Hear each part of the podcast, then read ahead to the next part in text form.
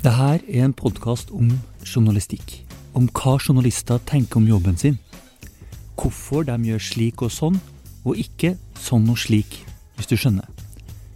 Journalister har sine metoder, sine veier fram til fakta og fortellinger som andre ikke kjenner til.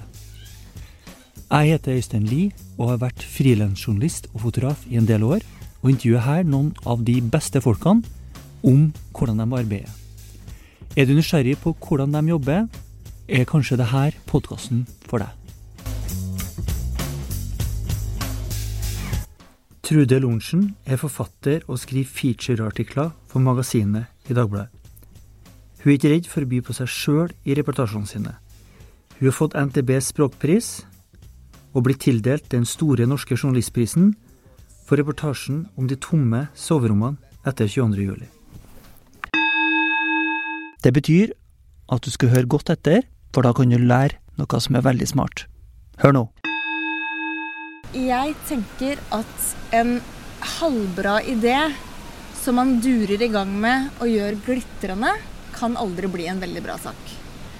Eh, samme om du utfører det veldig bra. Mens en veldig god idé som du bare gjør som middels, blir fortsatt en veldig, altså ganske bra sak. Og det aller beste som man prøver å få til, er jo en knallidé som du i tillegg utfører veldig bra. Men når vet du at du har en bra idé? Jeg har lagd meg en liten liste av litt sånne kriterier som jeg prøver å se om det klikker av på. Og for meg så tror jeg det er en litt sånn uh, magisk kombinasjon av at ideen fremstår veldig tydelig. Sånn veldig umiddelbar. For den som hører ideen, trenger ikke veldig mye forklaring. Den skjønner ideen umiddelbart. Jeg tror hjernen min er veldig sånn ute etter tydelighet når jeg søker. Eh, men for all del, man må jo teste altså kaffeautomat, Kaffemaskinsamtaler er jo det viktigste man driver med som journalist. Eh, men jeg tror også Det er ikke nok at den er tydelig. Den må også ha nerve. Det må være noe litt krevende med den, noe litt farlig, noe, litt, noe som gjør at ikke alle allerede har gjort den. Det må være noe litt krevende med den, noe litt farlig, noe, litt, noe som gjør at ikke alle allerede har gjort den opplagte ideen. da. Eh, sånn at det skal være den er litt ja, vanskelig å utføre eller flau. Eller eh, ubehagelig. Eh, og så vil jeg jo all, Jeg syns de aller, aller beste ideene, når jeg hører andre ha gode ideer òg, så er det de, Det er som om de plutselig får de tankene jeg nesten har hatt selv, til å falle på plass. Så jeg tror gode ideer eh, toucher opp liksom innpå noe som folk føler de nesten har på tunga selv. Det er kanskje noe sånn tidsånd, eh, f.eks., den rører ved. Men at det er liksom ikke Det er ikke avantgarde, en tanke som ikke har eksistert i vårt solsystem før, som er en god idé. Jeg tror det kanskje kan være en type Jeg tror min hjerne er veldig sånn at når jeg går rundt i, i virkeligheten og hverdagen min, så driver jeg og leker mye med Jeg har en veldig aktiv indre monolog. Rører rundt med masse rare 'hva hvis det hadde skjedd', og en periode så tenkte jeg når jeg gikk rundt på, gater og så familier som gikk over gata, så tenkte jeg der går det en liten gjeng Homo sapiens. der er det en hann og en hund og tre avkom. Vi er dyr. Jeg var liksom i dyrefilmmodus i sånn jeg så verden, da. Så jeg går og leker mye med tanker sånn. Og så er det noen ganger jeg kjenner at jeg eh, Den ene ideen eller tanken som bare knepper til men jeg, det skal også sies at for å få sånne ideer, så må jeg ofte utvikle mange halvbra og til dels skikkelig ræva ideer også. Så det er litt sånn Det er ikke en gudegave som kommer fra himmelen. Dette er hardt arbeid. Men det handler litt om å ikke gi seg, ikke begynne med de halvbra, da. Men faktisk jakte på de virkelig gode. De som, når den først kommer, så merker du at alle rundt eventuelt møtebord du sitter ved, lener seg fram og blir tent.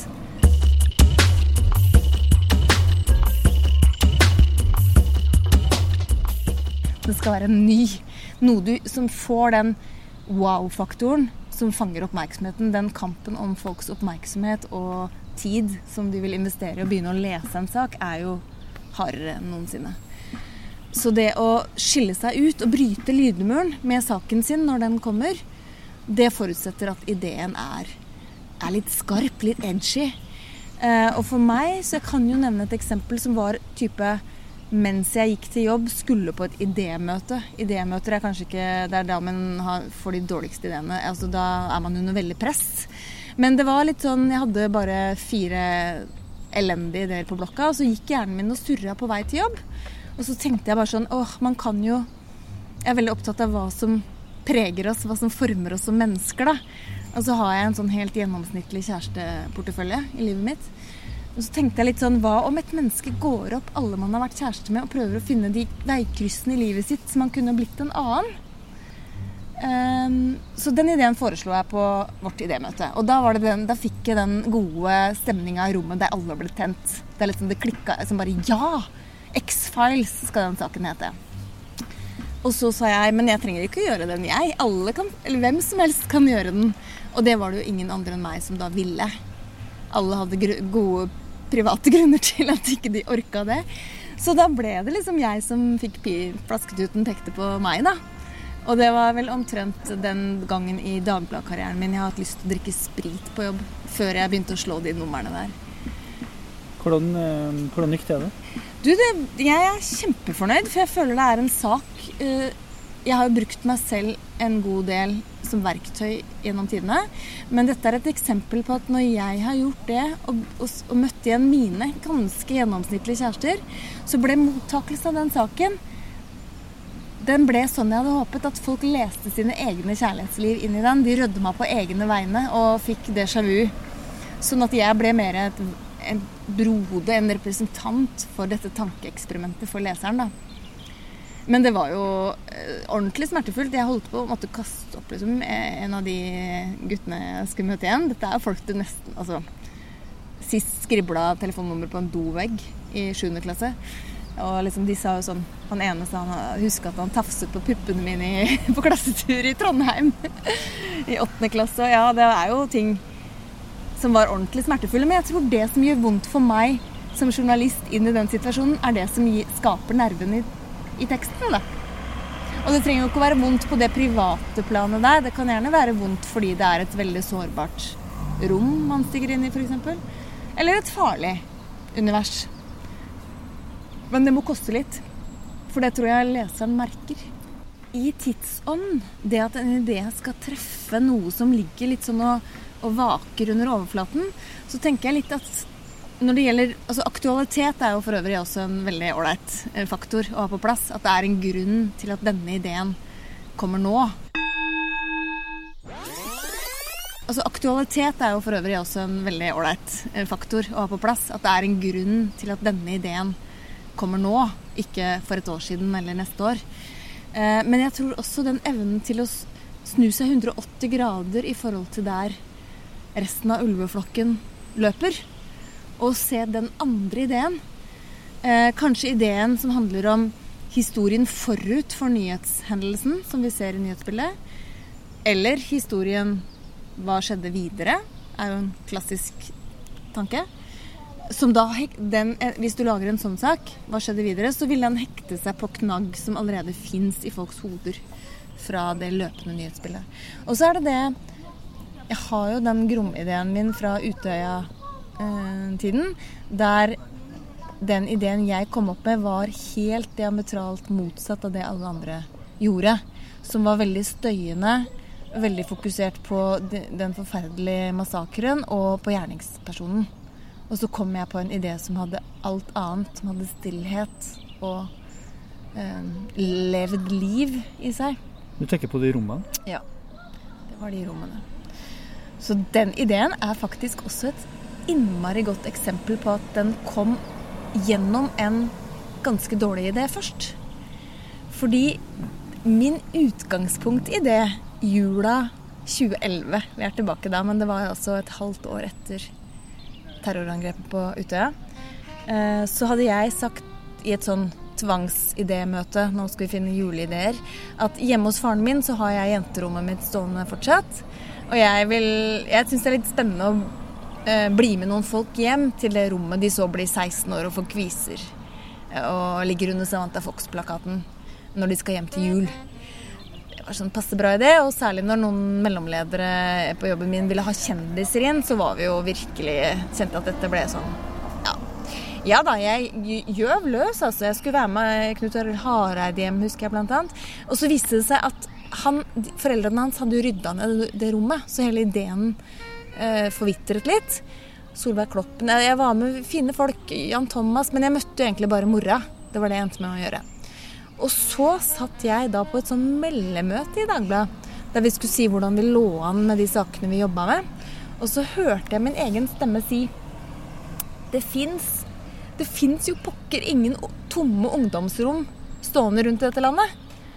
Og akkurat idet jeg sa det, så tenkte jeg jo, det står eh, Hva var det? 69 tomme ungdomsrom.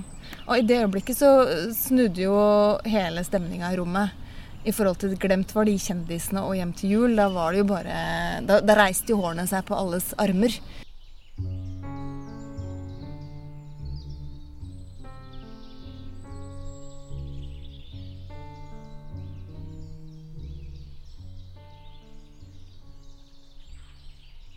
De rotete, levende rommene som sto helt sånn som de var forlatt i ja, 20. juli, da. Kalenderen sto 20. juli fortsatt. Ja, det var som å gå inn i Pompeii. Og dette var eh, jo da før rettssaken. Det var veldig kort tid etter, egentlig. Men å foreta den ringerunden for å spørre om lov til å få komme på besøk, det er noe av det Det var smertefullt. For det var virkelig å, å føle at, å, å, be om nesten for mye til dypt traumatiserte mennesker som fortsatt var i sjokk. Men du klarte det? Hvordan klarte du det? Jeg tror, altså jeg måtte tåle mye kjeft. Folk, her var det så mye følelser, og de var sinte på media, sinte på Dagbladet. Jeg, jeg, følte at nå er min jobb å være en søppelbøtte. Det må jeg tåle. Det, jeg skal ikke sitte og forsvare noe som helst, selv om ikke det er jeg som har gjort det de er sint på. Men jeg klarte å holde motet oppe, for jeg ringte jo da mange telefoner og fikk nei. Men blant en del av de som sa tydelig nei, at dette er ikke aktuelt å bli med på, de sa det var en god idé. De, de anerkjente ideen, selv om de ikke var i maktet å møte meg og slippe meg inn. Og så lenge de gjorde det, så fortsatte jeg, og jeg hadde jo dessverre ganske mange å ta av. Og så var det fire foreldrepar som, som uh, ga meg den tilliten. Meg og to kollegaer, da. Så når vi da kom dit, bl.a. opp til Bardu, foreldrene til en som het Anders de, altså Da vi ringte på døra der, jeg så at de nesten Hadde vi ikke reist så langt, så tror jeg de hadde avlyst. Altså det var, det kosta dem så mye å la oss få komme inn der. Men så var det jo samtidig noe godt i dette prosjektet. Eh, det med å prate om Anders og Andrine og Andreas og Isabel. De fire var det vi var hos. Eh, og prate om dem som levende. Jeg merka at foreldrene Det var litt godt for dem. For det hadde jo handla ellers bare om måten de ble drept. Så det føltes som et sånt prosjekt vi vil vel.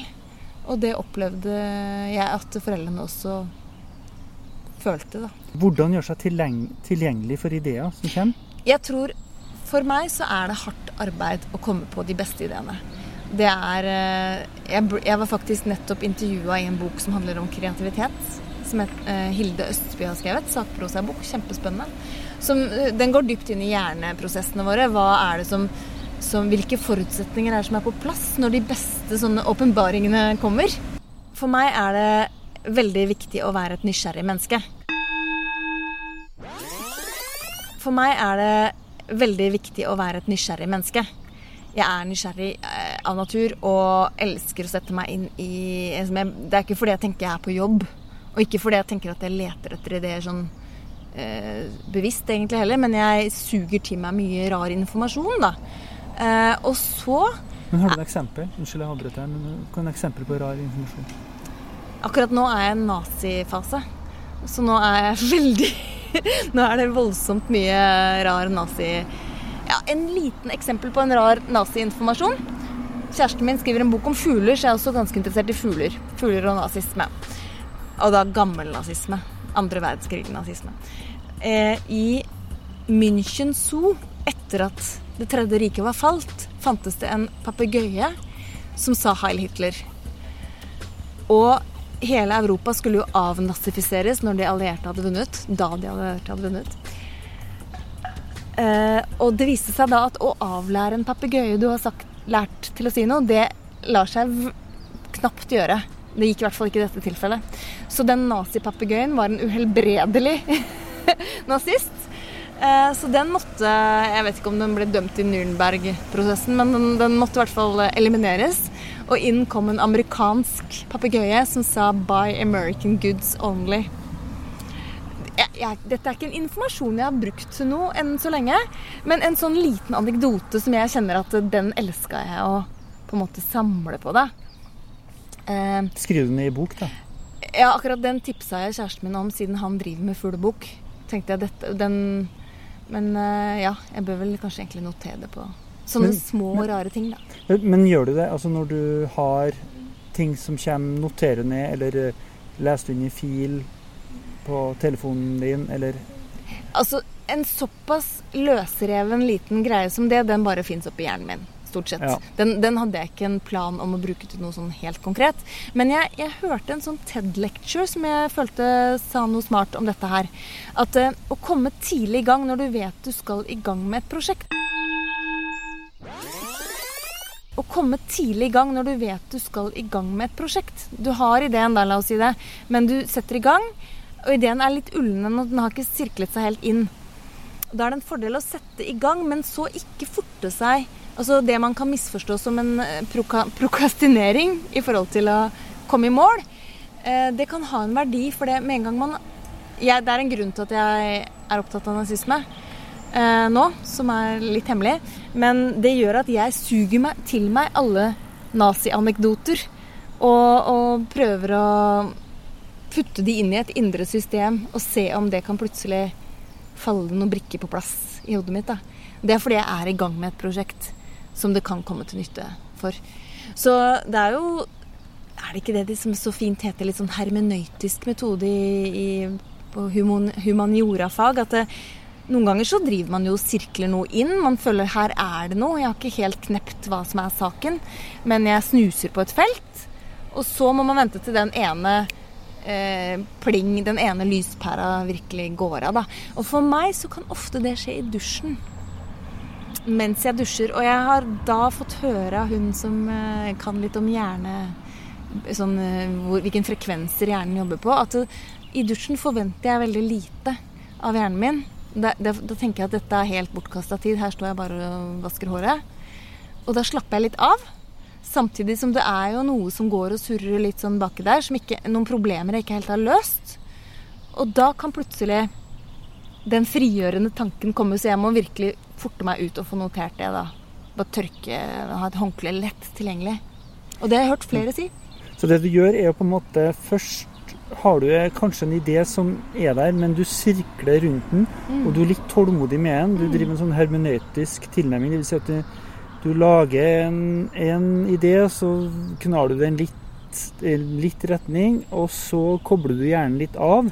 Mm. Også siden du ikke kan holde på med noe telefon eller bli forstyrra, men at du er helt alene i dusjen, mm. så plutselig så ja. kan det skje. Jeg føler det sånn. Ja. Jeg hadde en sak som eh, handlet om å gå inn og over en lang tid følge en dame med en ganske ung dame med alzheimer.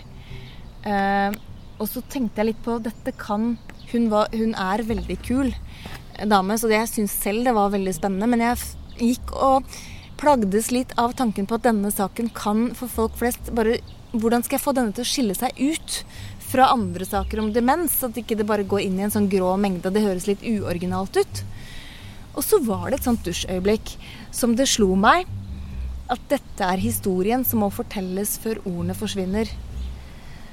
Fordi hun Jannicke, som hun heter, har eh, kommet langt i progresjonen i demens, men hun har et ualminnelig stort uh, språk intakt. Så hun tilbyr meg som journalist et litt sånn unikt eh, vindu inn i den sykdommen der. Eh, så jeg tror det handler litt I dette tilfellet var det egentlig da å skru det til så min egen sak ble litt mer unik. De gjorde det til en mer eksistensiell fortelling enn til en sånn gammel, eh, gammelmannsfortelling.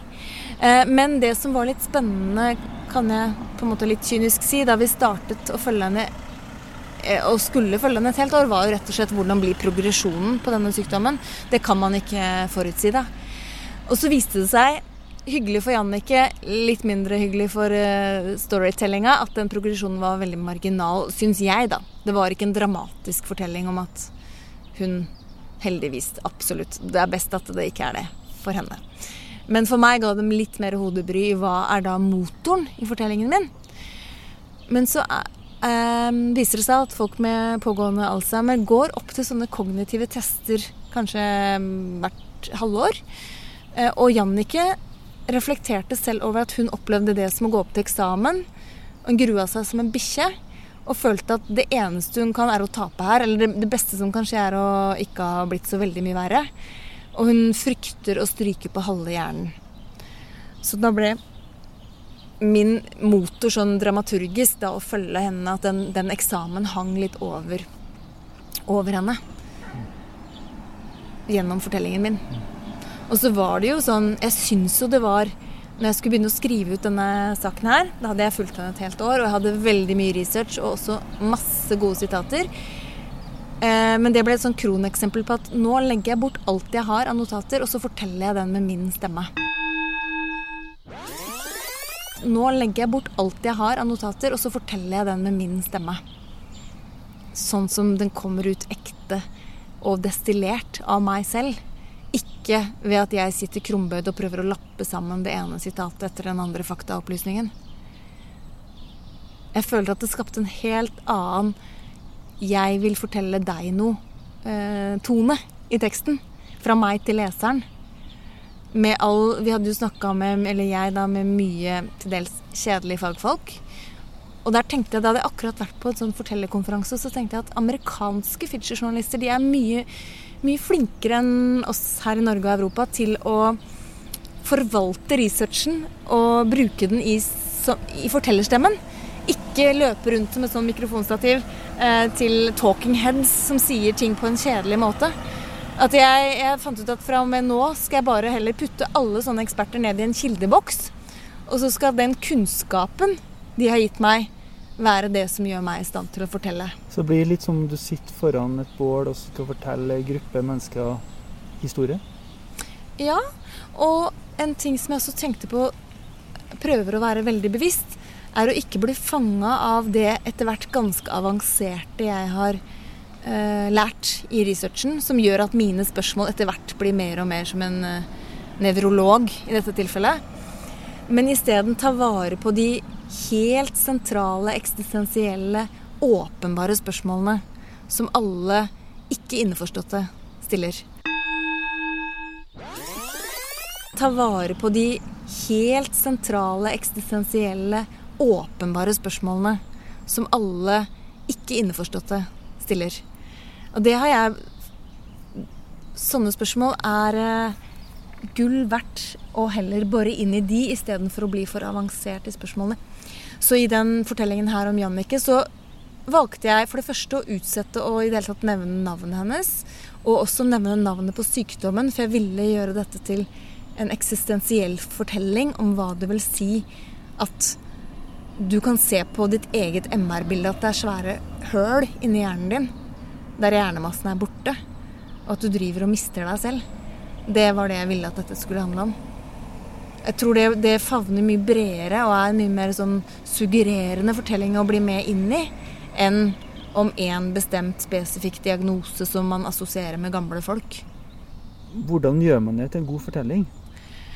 Ja, jeg syns at en god fortelling kommer ut av fortellerstemmen når man klarer å legge bort all researchen, alt forarbeidet, og fortelle den som et ekte menneske.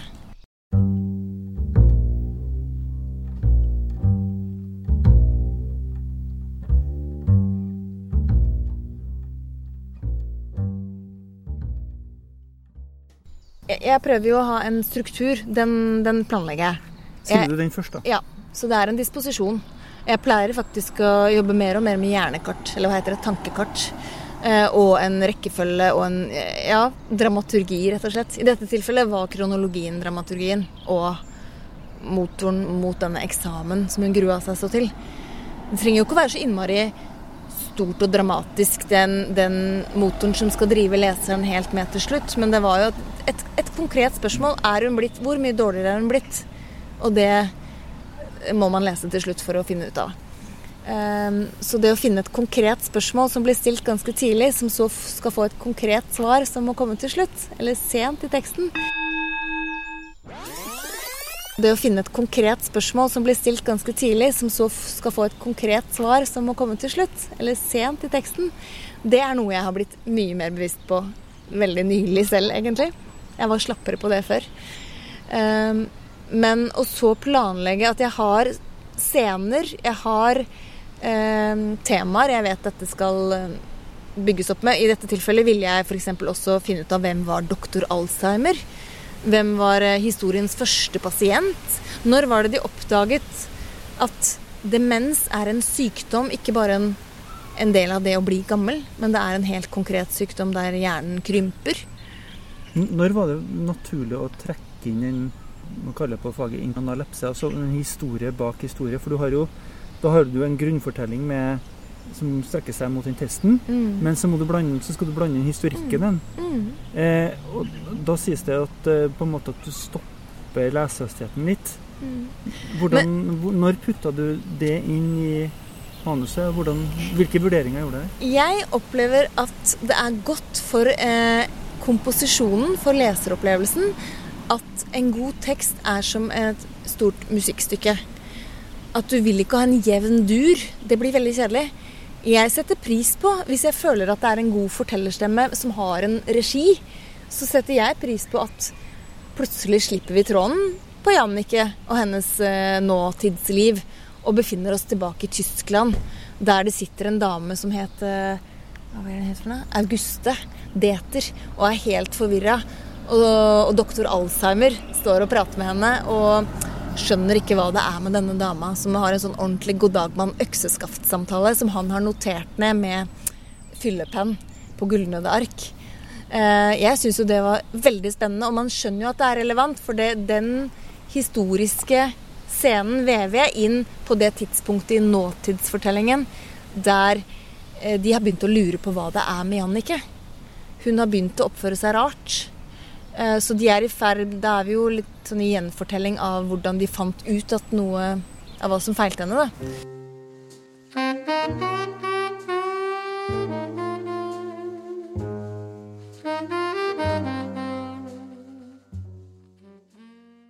Men du snakka om dere med, med, med, det musikalske. Er det også viktig hvordan setningene klinger, hvordan de veksler mellom korte setninger, litt lengre setninger. Leser du f.eks. høyt? Ja, ikke veldig utbredt, men det burde jeg kanskje. For man hører det jo litt selv. Men jeg leser veldig mye igjen og igjen på det jeg driver på med. Og filer eh, mye. Og jeg har andre lesere som kommer inn. Kompislesere, som vi kaller det i magasinet i Dagbladet. Og det er veldig kompetente lesere. Som kan eh, file og kverulere på bitte små ting. Eh, og jeg er selv en sånn som kverulerer på andres tekster. Og jeg tror det som er det aller, aller viktigste der, er å få bort alle Altså få bort nyhetsspråket. Få bort det, det Altså hele den omvendte pyramiden og alt uh, Altså nå er vi på podkast her. Ira Glass, som er This American Life-guruen, uh, han snakka i et program jeg hørte om podkast, at da han begynte å skulle være på radio, så snakka han sånn Han trodde man skulle høres ut på radio. Og det var sjelløst og dørgende kjedelig. Og så var det på et tidspunkt han fant ut at nei, vet du hva, jeg vil heller prate som et menneske. Og så fant han opp liksom en helt ny podkast-sosiolekt. Så jeg tror det der med å finne sin egen stemme er veldig viktig. Og i det så ligger det veldig mye å skrelle vekk eh, unødvendig tunge Eh, navn og begreper og terminologi, da. Eh, sånn som jeg var kompisleser på en venninne som har laget et kjempe, eller kollega, kjempebra prosjekt med noe barnevern. Og jeg kjente selv at jeg var så, jeg så For meg så ble bare ordet buffetat sand i maskineriet. Så jeg bare sånn la, Dette handler jo om ungdommer som er under barnevernets uh, forvaring. La oss bruke Jeg tror ikke de bruker ordet buffetat. Eller et vedtak. De sier at nå kom det ei dame fra barnevernet og sier at jeg skal flytte. Så bruk det språket som kler fortellinga, da, tenker jeg. Og de aller mest, fleste mennesker man skriver om, går ikke rundt og prater som byråkrater. Så gjør det muntlig. Så gjør det muntlig. Det er jo egentlig en veldig sånn overordnet eh, god leveregel. Jeg føler at når man skal prøve å være flink, og kanskje ikke har så mye selvtillit, som jeg sikkert hadde, eh, ikke hadde i begynnelsen selv, og ikke minst på universitetet som student, da var det så tungt og fagterminologisk det jeg skrev. Og jo mer og mer peil jeg har fått, jo enklere og muntligere blir det.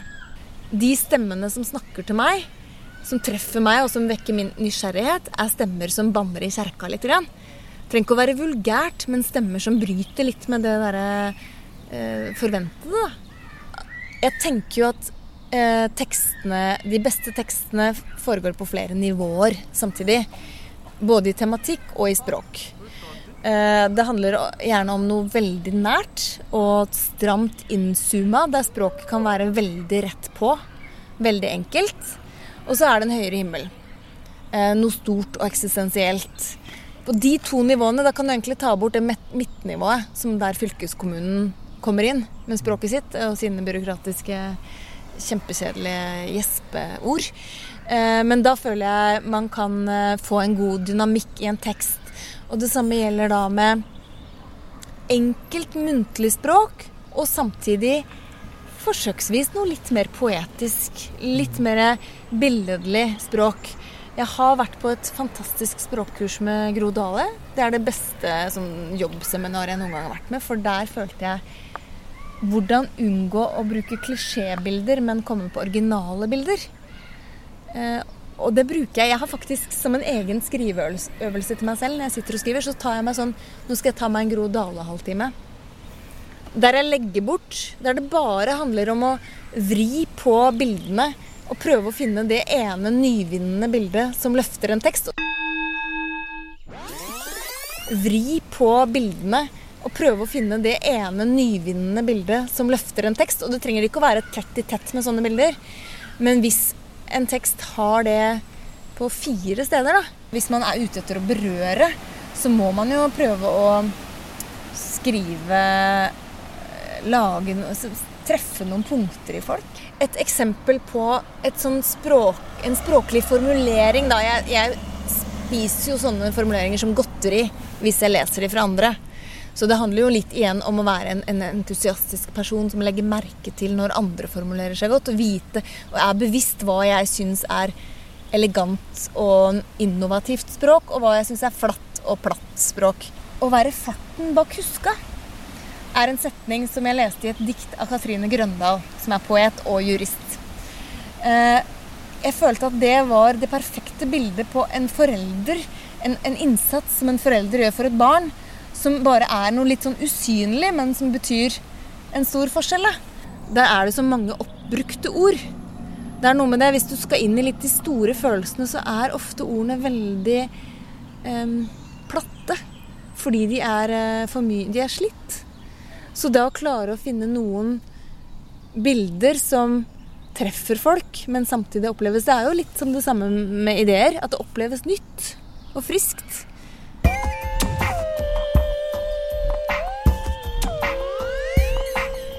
Prøver jo at stemmen min som fortelleren eh, reflekterer litt det det handler om.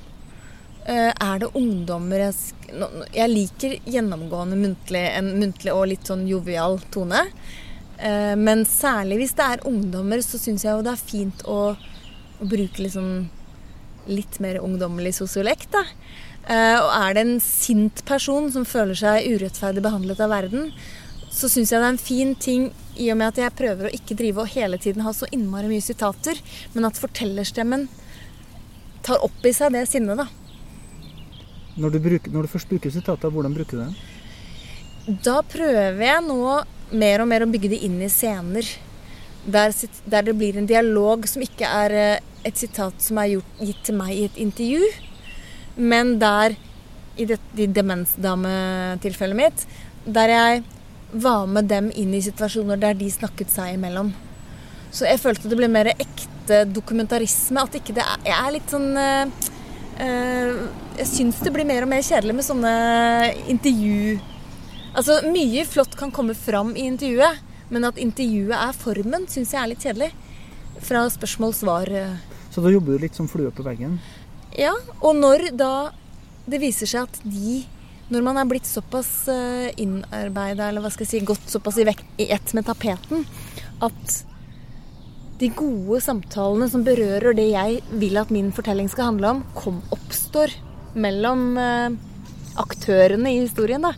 Sånn som disse to damene som da Jeg hadde grua meg som en hund til å ta opp hvordan blir det når hun ene der blir så dement at ikke hun kjenner igjen deg og må på sykehjem. Det er jo en ganske brutal tema å ta opp. Det ligger jo foran dem.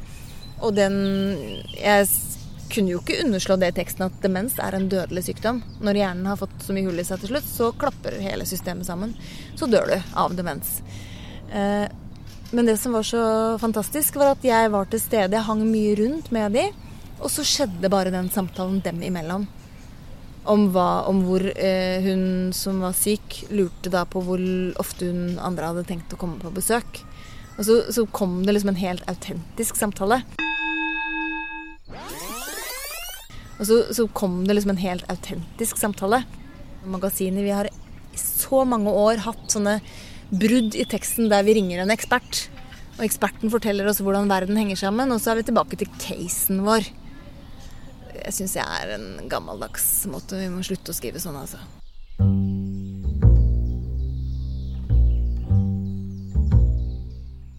Jeg har gjennom tidene vært blant de journalistene i Norge som kanskje har gått lengst i å bruke meg selv som et verktøy.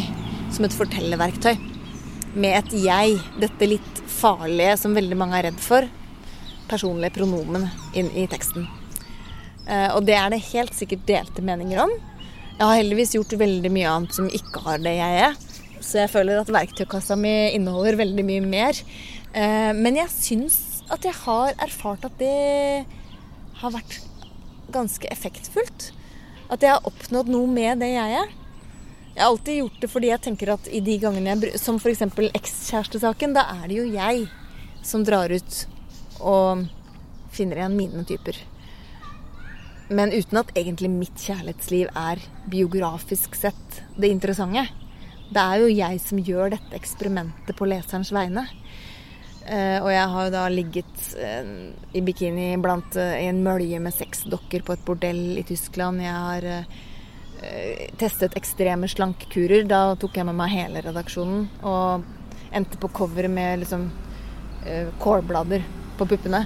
Så jeg har gjort mye. Jeg har testet alle genene mine for å finne ut hvor mye neandertalere jeg har. Jeg har brukt meg selv som et verktøy og et virkemiddel. Da. Men i alle de gangene der så er ikke jeg den interessante personen. Trude er ikke interessant. Det er bare en nerve i teksten som en jeg-forteller kan tilføre, da, vil jeg argumentere.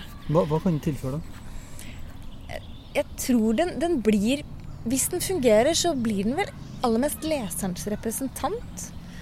Og, og, eller den kan være en detektiv. En detektivrolle som finner ut at, forfølger et mysterium. Eh, og så har den en sjelden gang en biografisk fortelling verd å fortelle selv. Som handler om noe helt reelt i mitt liv. Og det har jeg Jeg, jeg regner ikke med ekskjærester der, for det er mine ekte kjærester, men allikevel bare det kunne hvem som helst gjort. Men jeg skrev historien om moren min som tok livet sitt eh, da jeg var 15 år. Da tenkte jeg det er, det er ganske lenge siden jeg skrev, det er vel nesten ti år siden. Da var selvmord mye mer tabubelagt enn det heldigvis er i dag. Eh, Men jeg opplevde at denne fortellingen her kan jeg tørre å gå mye lenger i, for det er min egen historie jeg forvalter, enn jeg kunne utsatt en annen person for. Så jeg turte å, å strekke meg mye lenger inn i noe veldig sårt og ekte. Men hvorfor tror du det jeget traff sånn? Jeg tror den kanskje gir et, et økt nivå av ektehet. Eller det du, du fjerner jo ett ledd i fortellers... Det er ikke en forteller mellom den det gjelder og den som leser. Det er liksom uf, litt mer ufiltrert, kanskje. Um, men jeg, for det jeg som ikke fungerer, er jo et jeg som står i veien for fortellingen. Som blir en irritasjon. En dust som bare peller vekk fra denne teksten. Det, det fins jo eksempler på det òg. Eh, eller et jeg som prøver å være liksom litt fint og flott. Det er ikke bra. Det må være et jeg som ikke er selvhøytidelig eller prøver å ta seg godt ut. Men et, et, et nådeløst ærlig jeg. Et, et nådeløst ærlig jeg. Eh, og den, det er jo en fortelling som går langt, for mitt vedkommende, langt, langt inn i noe, noe skjellsettende i mitt eget liv, men som også har en, en stor og høy himmel rundt seg. Da. Så jeg føler jo ikke det er jeg som forteller noe så privat og klamt, mens jeg forteller egentlig noe som dessverre angår kjempemange, og veldig mange har nesten identiske historier.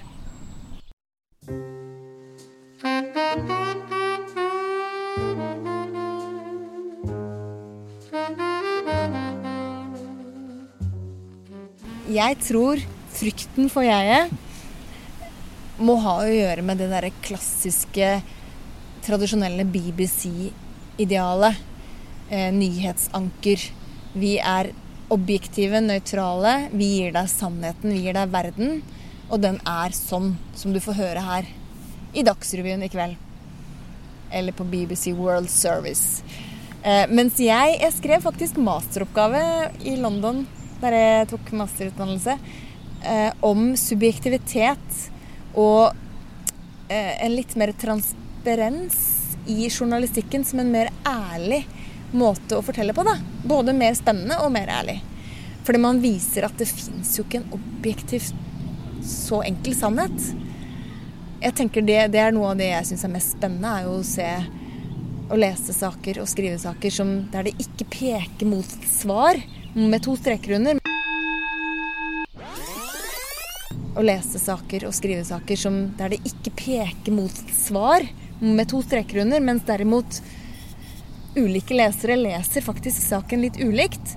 Eller man ender i hvert fall med å mene ulike ting etter å ha lest den. Er det forskjellige måter å skrive på i et magasin, og når det også skal presenteres på nettet? Eh, overgangen fra papirfortellinger, eh, fortellinger som er skrevet på papir, til digitalt, fortellinger som skal leses på mobilen, driver og demrer for meg akkurat nå. Eh, først så tenkte jeg bare at eh, vi velter over den samme saken. Den er jo så fin og godt fortalt for magasinet. Og så prøver vi ideelt sett å få noen litt fancy videoeffekter på bildene. Men så har jeg skjønt at øyet til en leser vandrer jo på en papirside. Danner seg et overordna inntrykk før, med både tittel, ingress, bildetekst, bilde, noen sitater som er trukket ut. altså før man setter seg inn og roen, finner roen til å gyve løs på brødteksten, så har man etablert en del forventninger som nok motiverer en papirleser lettere til å bli med. Mens når man leser i en sånn lang scrolletekst på en mobilskjerm, så er det teksten selv som må ha en mye tydeligere retning man leser i en sånn lang scrolletekst på en mobilskjerm, så er det teksten selv som må ha en mye tydeligere retning. Men Hva menes med tydeligere retning? Det handler om at uh, først så må man bli fanga og skjønne hva er denne gode ideen. Denne fantastiske, overraskende, tydelige og nervepirrende liksom, ideen. Og samtidig så må den ideen også føre fram no mot noe. Det er ikke bare en, en tanke som du da umiddelbart får svar på med en gang du begynner å lese. Det må være en, eh, en motor som leder fram mot slutten. En sterkere motor? Ja, en sterkere motor. Er noe ufortalt. Det er den kunsten å holde igjen er noe jeg føler meg eh, work in progress på. Jeg er ikke utlært der. Jeg har vært litt slapp på det, tror jeg. Ser jeg selv. Eh, fordi dette er jo klassisk Hollywood-strategi. Cliffhangere. Eh, eller frampeik. Noe som, som, gjør at leseren får en forventning og blir spent. Og det kan være ganske små ting du egentlig blir spent på. Men bare noe som ikke tas ut. Jeg føler at jeg selv og mange andre er litt for raske til å uttømme scenene. Og ikke tørre å la ting henge. Jeg tror vi ikke skal være redd for å holde igjen informasjon. Jeg tror vi ikke ikke skal være redd for å holde igjen informasjon. Jeg tror det er mye av magien i en godt fortalt, meddrivende fortelling der leseren henger med helt til slutt. Hvordan holde igjen i fortellinga? Ordet cliffhanger kommer vel av at helten henger ytterst på klippen, og du veit ikke om den eh, faller ned, eller altså den bare blir hengende der. Ikke uttøm scenen. Og så må den scenen da selvfølgelig komme tilbake på et tidspunkt. Der du får vite hvordan det går. Men også det å følge at artikkelen handler om hovedpersoner som eh, har et mål, og det er hindringer på veien. Og du er spent rett og slett på om de må, når målet, da. Har du noen eksempel hvor du har brukt det i dine egne tekster? Eh, ja, jeg drev akkurat og utviklet en sak som jeg egentlig ikke har skrevet, men jeg kan røpe den. Eh, som handler Jeg røper ikke hele, da, i tilfelle jeg skal lage den. Men det handler om en som ligger veldig lenge i respirator.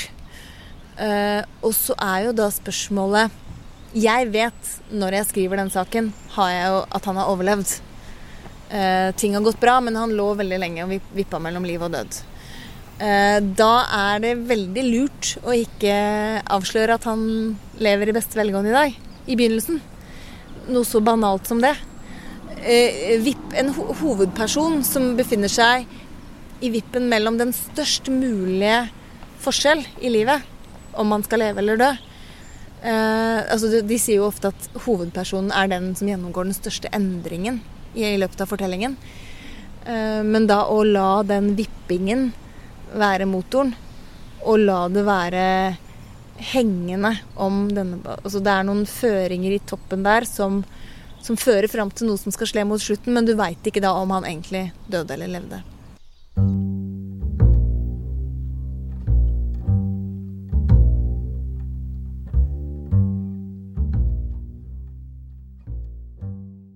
Jeg føler selv at jeg får størst utbytte av å lese verdens beste journalister. Og verdens beste saker. Så jeg leser alt som har vunnet Pulitzerprisen, jeg. Jeg tenker liksom uh, Vær litt sånn kvalitetsbevisst hvis man skal lære seg å skrive bra selv. Uh, på å lese de, de virkelige enerne. Og prøve også ikke bare å lese de, men prøve å dekonstruere hva er det som funker. Prøve å dekonstruere hva er det som funker. Hvorfor er denne saken så fantastisk? Jeg kan jo nevne en av de aller beste sakene jeg har lest noen gang. Den heter 'Falling Man' og er fra The Esquire. Den, det er en idé som egentlig sammenfatter noe av det jeg snakket om her. At den handler om én person som hoppa ut av World Trade Center 11.9. Eh, mens eh, husene sto i brann, og alternativet var jo å brenne inne. Men han hoppa, han var en av de jumpers som det er blitt tatt et ikonisk bilde av også, der han faller som en prosjektil nedover. Det er det bildet journalisten begynner har som utgangspunkt. Men så handler da denne enorme hendelsen som var 11.9, blir zooma inn i den ene eksponeringen av denne ukjente mannen som hopper med hodet først og beina etter seg ned fra en skyskraper. Og så blir dette en så fantastisk detektivjakt etter hvem var han og så viser det seg, denne fortellingen, at denne delen av de som døde denne dagen, de blir, de blir ikke opplevd som patrioter. Som gode amerikanere. Det å ta livet sitt og hoppe ut var ikke en ærbar død i den sammenhengen her. Så jeg, jeg syns den analysen han vever inn, den store himmelen, i tillegg til å jage etter og prøve å finne hvem er han fyren Og det er jo sånn at han zoomer seg inn. Bildet blir veldig viktig her. Men liksom skimter Han har en hvit sånn eh, frakk, så han jobba på en eller annen serveringssted. Eh, men så ser han en oransje T-skjorte under, og så reiser han jo hjem til diverse familier som har mista noen. Hvordan alle døde, det vet jo ingen den dagen. Det var så kaos. Men da er det sånn Nei, de vil ikke vedkjenne seg at det kan være deres kjære far, som er han. Det er noe stigmatiserende ved det. Som jeg syns eh, den fortellinga er helt forbilledlig så han reiser rundt og prøver da sånn veldig metodisk å eh, resonnere og granske bildet og finne ut av hvem var på jobb i øverste etasje i World Trade Center og den kafeen der. Men i den detektivjakten så blir han overraska over at veldig mange ikke vil assosieres med denne personen som hopper. Fordi det å velge å hoppe ut av en brennende bygning er å gi opp. Men hvis du ble inne og brant hjel, så var du en god amerikaner, for du ga aldri opp. Liksom, Det var noe med en amerikansk mentalitet som denne fortellingen lærte meg. da. Og så er det veldig spennende, for jeg tror han til slutt vel finner svaret også.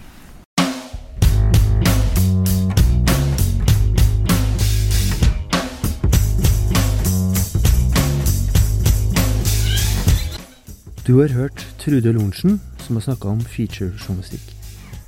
Neste gang hører vi Sveinung Udu Ystad. Han har jobba flere år i Dagbladet som fotograf og videojournalist, og det er det spesielt det siste vi har tenkt å gå litt nærmere på neste gang.